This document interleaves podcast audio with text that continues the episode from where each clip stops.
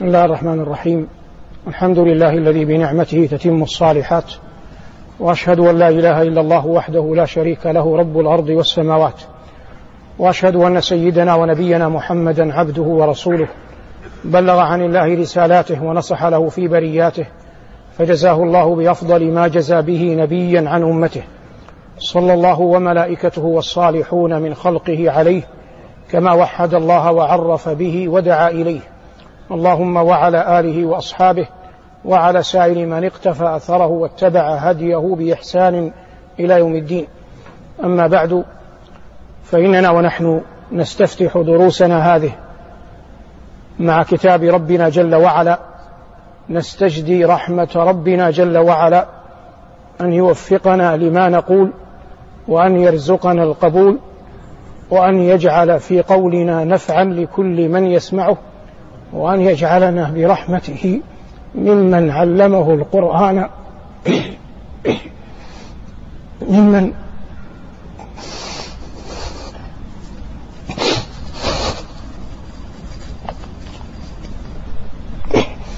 يجعلنا ممن علمه القرآن فعمل به.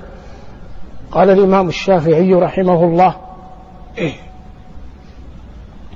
وإن من رزقه الله العلم بالقرآن والعمل به كان أهلا للإمامة في الدين. ومعلوم أنه لا منزلة أشرف ولا أعلى تطلب من الإمامة في الدين. قال الله جل وعلا ممتنا على الخليل إبراهيم إني جاعلك للناس إماما.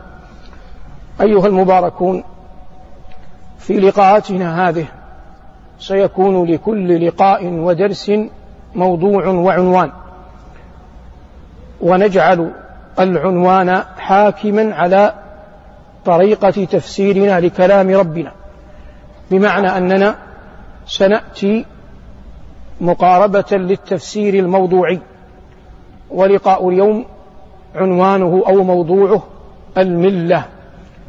والملة ذكرت في القرآن كثيرا. وإذا أطلقت فإنما يراد بها أي ملة الإسلام يراد بها ما أنزله الله في كتبه وما جاء على ألسنة رسله من شرائع الدين. وقد جاءت كلمة الملة في القرآن كثيرا نقف مع بعض الآيات التي وردت فيها. قال ربنا ولن ترضى عنك اليهود ولا النصارى حتى تتبع ملتهم. قل إن هدى الله هو الهدى ولئن اتبعت أهواءهم بعد الذي جاءك من العلم ما لك من الله بعد الذي جاءك من العلم ما لك من الله من ولي ولا نصير. ومعنى الآية اللام موطئة للقسم. ويصبح المعنى أن هؤلاء اليهود وهؤلاء النصارى مهما آتيتهم أيها النبي الخاتم من عظيم الآيات وجليل البراهين لن يرضوا عنك لأنهم لن تتم لن يتم رضوانهم عليك إلا بأن تتبع ملتهم. فلن ترضى عنك اليهود حتى تكون يهودية ولن ترضى عنك النصارى حتى تكون نصرانية. ولن ترضى عنك اليهود ولا النصارى حتى تتبع ملتهم. وفي قوله جل وعلا ملتهم بالإفراد دون التثنية من دلائل جمهور أهل العلم على أن الكفر ملة ملة واحدة ويترتب على هذا ثمرة الخلاف تظهر عند من بدل دينه وعند التوارث. فإذا قلنا إن الكفر بناء على هذه الآية ملة واحدة فمن بدل دينه وهو تحت حكمنا من يهودية إلى نصرانية لا نقيم عليه الحد لأن الكفر ملة واحدة. وإذا كان هذا قد بدل على القول أن الكفر غير ملة واحدة نقيم عليه حد القتل. كذلك في التوارث إذا قلنا إن الكفر ملة واحدة يصبح أهل كل ديانة يتوارثون من الأخرى. لكن إذا قلنا إن الكفر ليس ملة واحدة يصبح لا يحق ليهودي أن يرث نصرانية. وقول الجمهور هو الأظهر أن الكفر ملة واحدة لأن الله قال حتى تتبع ملتهم قل إن هدى الله هو الهدى ولئن اتبعت أهواءهم. بعد الذي جاءك من العلم قلنا إن اللام هنا هي الموطئة للقسم. ولئن اتبعت أهواءهم بعد الذي جاءك من العلم سمى الله جل وعلا من خالف ملة نبينا صلى الله عليه وسلم سماه الله هوى. لأن الحق هنا واحد لا يتعدد. قال الله قبلها قل إن هدى الله هو الهدى أي محصور الهدي فيه. ولئن اتبعت أهواءهم بعد الذي جاءك من العلم. أفاد قول الله جل وعلا بعد الذي جاءك من العلم على أنه لا بد من الإعذار قبل إنزال العقوبة. لا بد من الإعذار قبل إنزال العقوبة. فقال الله لنبيه ولئن اتبعت أهواءهم بعد الذي جاءك من العلم من الوحي من القرآن ما لك من الله من ولي ولا نصير من ولي يلي أمرك أو نصير يدفع عنك عاقبة الله. وليس المراد قطعا أن النبي صلى الله عليه وسلم سيتبع ملتهم وأهواءهم ولكن المراد قطع الأطم ولكن المراد قطع أطماعهم. كيف يكون قطع الأطماع؟ إن من علم أنه لو اتبع اليهودية أو النصرانية لن يتولاه الله ولن ينصره كان أبعد ما يكون عنها. هذا في عوام الناس. فكيف بحال سيد الأنبياء والمرسلين وأعلم الخلق بالله صلوات الله وسلامه عليه؟ هذه الآية الأولى التي ذكرت فيها الملة. ذكرت كذلك في سورة البقرة قول الله جل وعلا وقالوا كونوا هودا أو نصارى تهتدوا قل بل ملة إبراهيم حنيفا وما كان من المشركين. وقالوا كونوا هودا أو نصارى أي قال زعماء اليهود الذين كانوا يسكنون المدينة. قالوا إن الحق محصور عندنا. والنصارى أي من كان من زعمائهم ممن قدم على المدينة من نصارى نجران. من وفد نصارى نجران. كلا الفريقين زعم أن الحق عنده وقالوا كونوا هودا أو نصارى تهتدوا.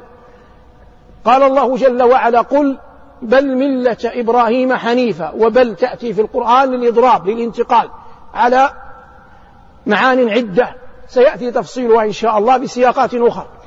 قل بل ملة إبراهيم حنيفا نسب الله جل وعلا الملة هنا إلى إبراهيم. والحنيف هو من رجله تميل إلى الأخرى.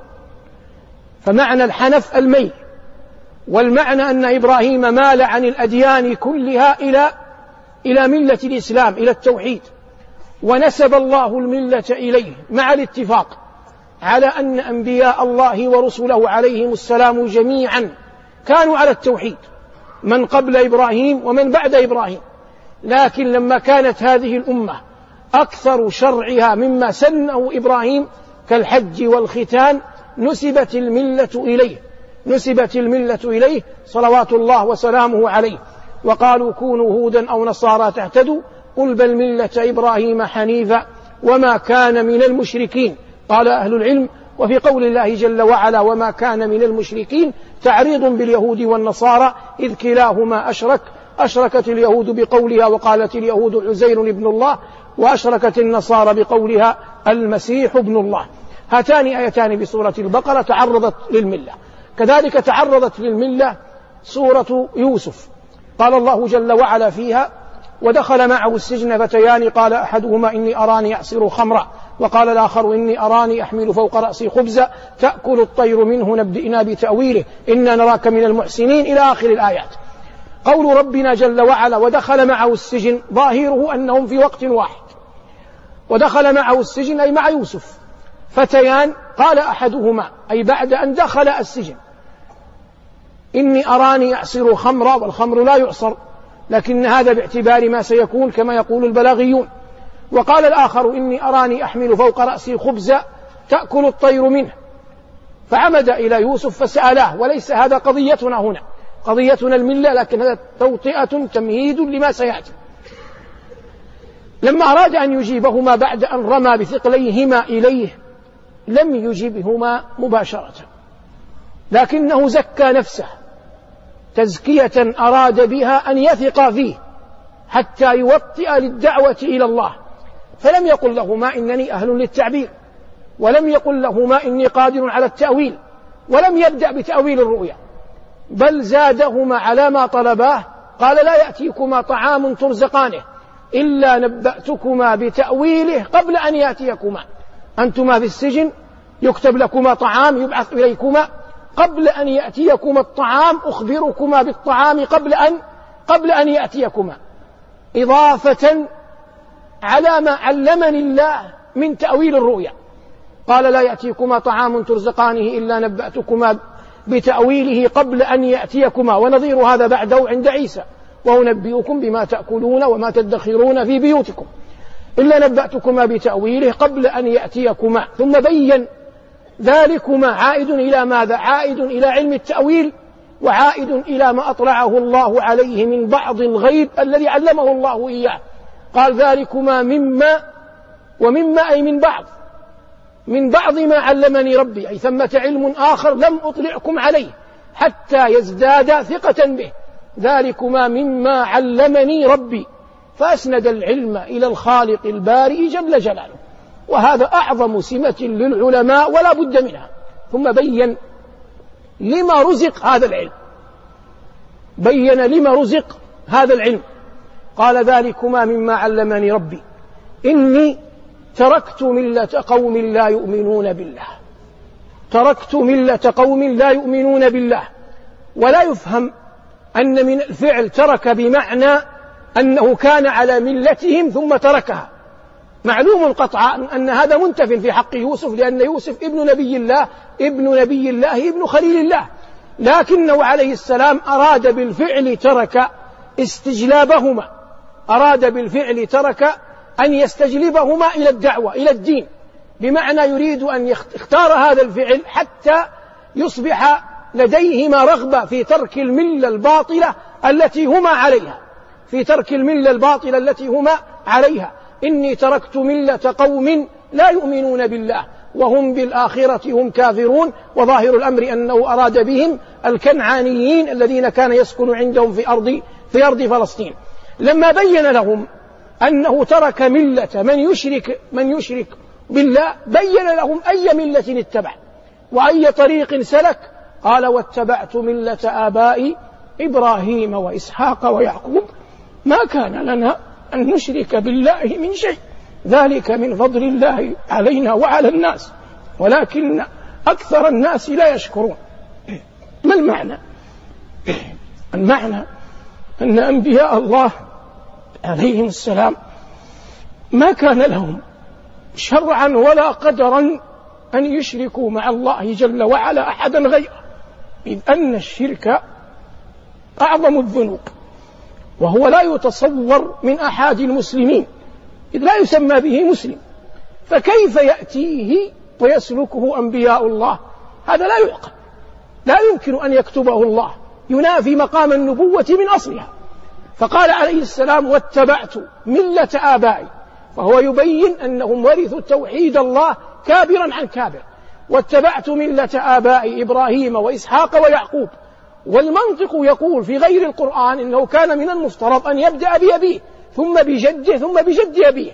لكنه بدأ بإبراهيم لأن الملة تنسب إليه ولأنه عليه السلام من أعظم خلق الله توحيدا لله.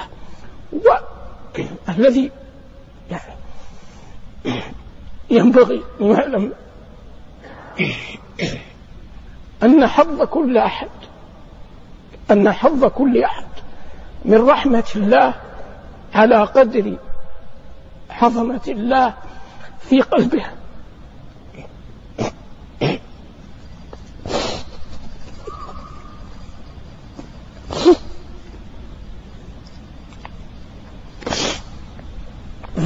خليل عليه السلام كان من أشد خلق الله تعظيما لله. ولهذا كان من أشد خلق الله نيلا لرحمة الله. نحن في صلاتنا الآن وإبراهيم له أكثر من أربعة آلاف عام متوفى. نقول كما صليت على إبراهيم وعلى آل إبراهيم نذكر عظم الله في حياته. فأبقى الله له ذكرا خالدا بعد مماته. ولهذا بدأ به يوسف. قال واتبعت ملة آبائي إبراهيم وإسحاق هذا جده ويعقوب هذا أبوه. واتبعت ملة آبائي إبراهيم وإسحاق ويعقوب. ما كان لنا معشر الأنبياء أن نشرك بالله من شيء. ذلك هذا العلم هذا التوحيد هذا الذي أفاءه الله علينا ذلك من فضل الله علينا بأي واسطة؟ بواسطة الملائكة. فالملك هو الذي بلغهم الرسالة. وعلى الناس بأي واسطة؟ بواسطة الأنبياء. والمعنى الناس المسلمون عبر التاريخ كله عرفوا التوحيد من الأنبياء. والأنبياء عرفوا التوحيد من جبريل. والله جل وعلا علم جبريل ماذا يقول للأنبياء؟ فهو الذي كان ينزل كان ينزل بالوحي. ذلك من فضل الله علينا وعلى الناس ولكن أكثر الناس لا يشكرون. يا صاحبي السجن أرباب متفرقون خير أم الله الواحد القهار؟ متفرقون في ماذا؟ متفرقون ذواتا وصفاتا. متفرقون ذواتا وصفاتا. متفرقون أبضاعا وأغراضا. أبعاضا وأغراضا. معنى متفرقون صفاتا وذواتا أن هذه الذي يعبد من دون الله منه شجر منه حجر منه صنم منه نجم منه كوكب منه شمس منه قمر فالذوات تختلف. وهذه الذوات كذلك صفاتها تختلف. منه ما هو جامد منه ما هو ينمو منه ما هو متحرك فكذلك اختلفت صفاتهم وذواتهم. فقالوا الصديق عليه السلام يقيم الحجة على هذين الرجلين قال واتبعت ملة آبائي إبراهيم وإسحاق ويعقوب. ما كان لنا أن نشرك بالله من شيء. ذلك من فضل الله علينا وعلى الناس. ولكن أكثر الناس لا يشكرون. يا صاحبي السجن أرباب متفرقون خير. الهمزة الأولى في أرباب للاستفهام والثانية من أصل الكلمة. أرباب متفرقون خير أم الله الواحد القهار؟ ونحن نذهب والعلم عند الله إلى أن الواحد القهار هو اسم الله الأعظم. الذي إذا دعي به أجاب وإذا سئل به أعطى. إذ أن أي اسم لله يمكن أحيانا جعله في غيره من وجه مع الفارق بين الخالق والمخلوق. فالله رحيم وأنت ترحم من تحتك. والله جل وعلا يغيث وأنت تغيث من تحتك. مع فارق الصفات العظيمة ما بين صفات المخلوق وصفات الله. وما من أحد كائنا من كان. جبريل والملائكة المقربين محمد صلى الله عليه وسلم والأنبياء والمرسلون كلهم مقهورون لأنهم عبيد لله قهر الله خلقه جميعا بالموت. فالذي لا يمكن أن يكون إلا واحدا هو من؟ هو الله. أما غير الله يمكن أن يكون اثنان يمكن أن يكون اثنين. والذي لا يمكن أن يقهر البتة هو الله. ولهذا والعلم عند الله. ربما كان هذا ولا نجزم هو اسم الله الأعظم الذي إذا دعي به أجاب وإذا سئل به أعطى والعلم عند الله وصلى الله على محمد وآله والحمد لله رب العالمين.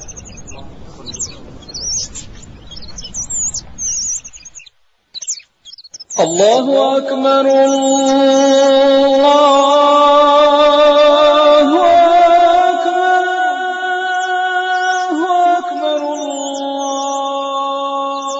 لو أنزلنا هذا القرآن على جبل لرأيته خاشعا متصدعا من خشية الله وتلك الأمثال نضربها للناس لعلهم يتفكرون